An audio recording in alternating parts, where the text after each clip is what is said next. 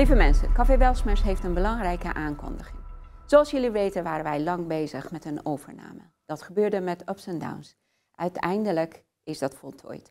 Max van Krijveld, de oprichter van Café Welsmers, heeft het stokje overgedragen. Sinds 2 november 2023 ben ik de nieuwe eigenaar van Café Welsmers en daar ben ik heel erg trots op. Ik ga een intense samenwerking aan met een bekend gezicht van onze trouwe Welsmerskijkers, namelijk Erik van der Horst. Erik, dankjewel dat je in deze reis naast me bent. Leuk. Wat vind je van onze samenwerking? Ja, we, nou, we, we hebben elkaar pas een maand of anderhalf geleden, denk ik, eh, leren kennen. En dat was vanaf dag één een, eh, een feest van herkenning. Ja. Ehm, ik vind het heel gaaf, want wij denken over heel veel dingen hetzelfde, maar we zijn heel verschillend. Klopt. En ik denk dat daarom eh, deze samenwerking gedoemd is om te slagen. Het kan, het kan volgens mij niet misgaan. Ehm, de, de oplettende kijker ziet volgens mij ook al dat er een, een, een transitie heeft plaatsgevonden tussen letterlijk gisteren en vandaag. Daar is heel hard aan gewerkt, maar ik heb er zo'n zin in, Jorre. Ja, ik ook. Wat gaan we anders doen? Ehm, veel. Ehm, da- daarbij wil ik wel eerst gezegd hebben dat eh Café Welsmets, opgericht door Max van Kruijveld, was echt de bakermat van de vrije media. Absoluut. Eh, Ja. Dat heeft die man fantastisch gedaan. Ehm, en, en, en het zal dus ook niet meevallen om dingen eh, eh, beter te gaan doen. Hoewel ik er wel van overtuigd ben dat het ons gaat lukken. Ehm, maar we gaan vooral dingen heel anders doen, denk ik. Hè? Ehm, qua inhoud willen we ons niet beperken tot eh, alleen maar zware onderwerpen en moeilijke tafelgesprekken. Ehm, dus we gaan een brede programmering doen waarbij ook entertainment, muziek, comedy aan bod gaat komen.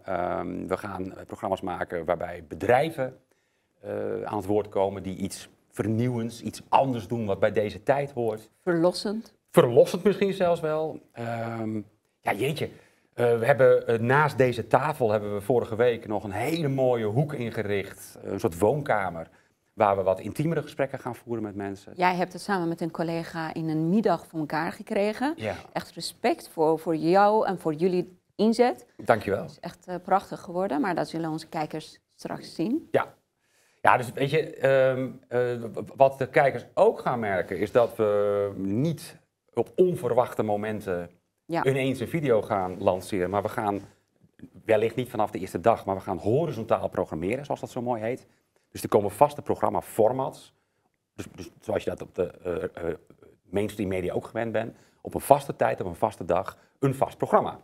We hebben dat twee jaar geleden al een tijdje gedaan met Poppenkast TV. Dat was elke vrijdagmiddag om 6 uur uit mijn hoofd.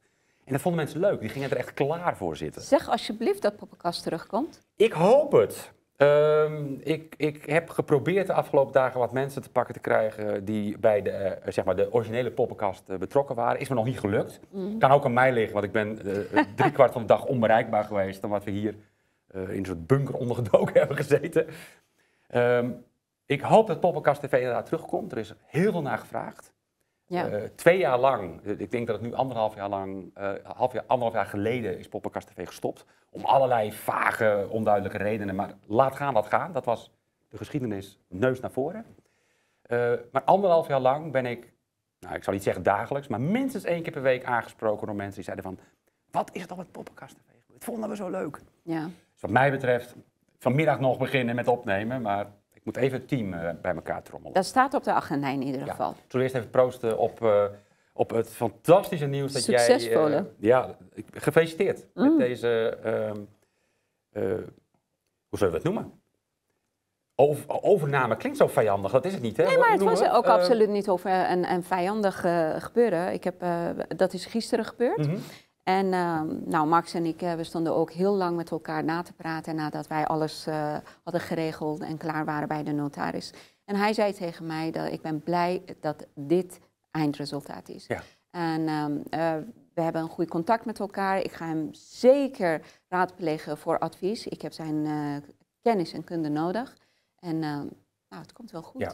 Het komt wel goed. Eh, Max is zelf ook met hele mooie dingen bezig. Ja. Eh, op weg naar Wonderland, zeg ik. Nee, nee, op, op naar- naar, Wonderland, dat Ja, was het. Ja, het waren ja. drie woorden. Eh, op naar Wonderland. Volgens mij heeft hij eind deze maand zijn eerste eh, pitch Volgens mij op eh, 28 november Ja, staat op dat. Pijl. Ja. Dus op naar Wonderland. Ja, weet je, iedereen doet gewoon in deze tijd de dingen waar die nu op dit moment mee bezig moet zijn, denk ik. En voor ons is dat nu uh, Welsmets vernieuwen.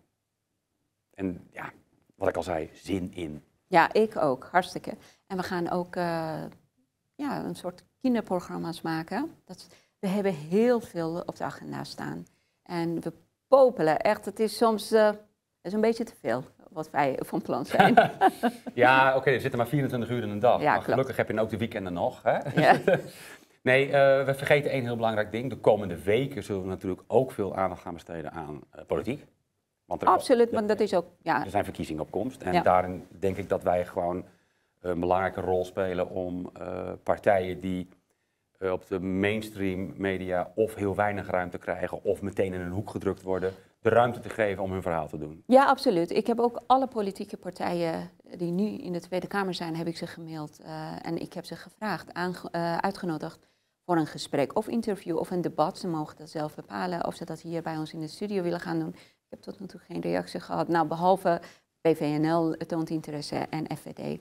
Dus um, die zijn die komen ook bij ons aan ja, tafel. Dat, van, van die partij had ik het ook verwacht. Ja. Uh, toch denk ik dat we moeten blijven volhouden. En, en de, ik, iedereen is welkom aan deze tafel. Hè? Dus of je uh, CDA, PvdA, GroenLinks... Uh, zelfs, zelfs Volt en D66. Zeker, absoluut. Ja, nee. nee. En, en ik denk ook dat we eerlijk kunnen beloven dat, ja. dat die partijen niet hoeven te vrezen voor framing van onze kant. Dat laten we graag aan de andere omroepen over. Nee. Dus ja, ik zou het fantastisch vinden, een debat aan deze tafel tussen Thierry, uh, Wiebren, uh, Rob Jetten. Kom, kom, maar op. Ja. Welkom. Leuk. Of dat gebeuren? Ik denk het niet. Maar...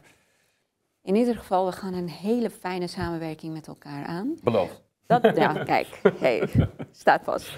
Um, onze eerste event is op 18 november. Hebben wij een lezing van Marcel Krok en Twan Manders. Ja. Het is al bepaald dat de komende uh, overheid, komende, ja, na de verkiezingen krijgen wij een klimaatkabinet.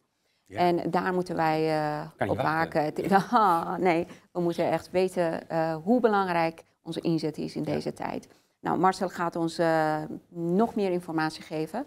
En Twan ook. Want een overheidskabinet betekent dat wij nog meer inflatie krijgen, nog meer beperking. Je zei een overheidskabinet, maar een, een, een milieukabinet. Milieukabinet. een klimaatkabinet. Klimaatkabinet, dat bedoel ik. Dat bedoel ik. Ja, het is goed dat je het zegt trouwens, want inderdaad, naast uh, de programma's die we gaan maken, inderdaad hebben we ook nog een prachtige ruimte hier waar we allerlei uh, evenementen, lezingen, maar ook dus kleine concertjes uh, gaan organiseren. Um,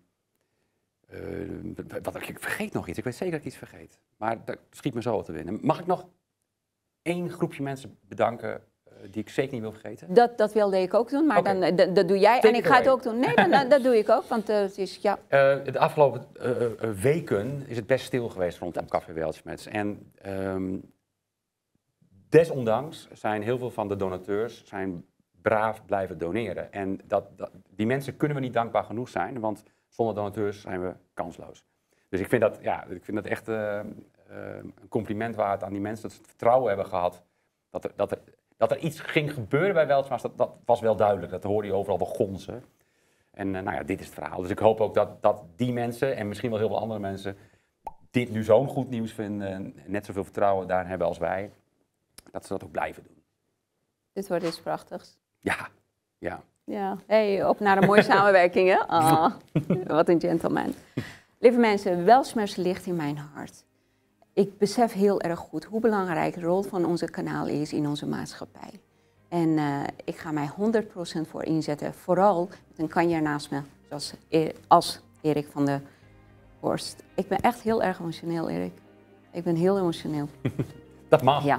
Ik wil alle mensen die ons de hele tijd gesteund hebben en gedoneerd hebben, hartelijk bedanken. En uh, ik kan jullie beloven dat ik mijn best doe, omdat wij vertrouwen hebben vertrouwen in jullie steun en betrokkenheid.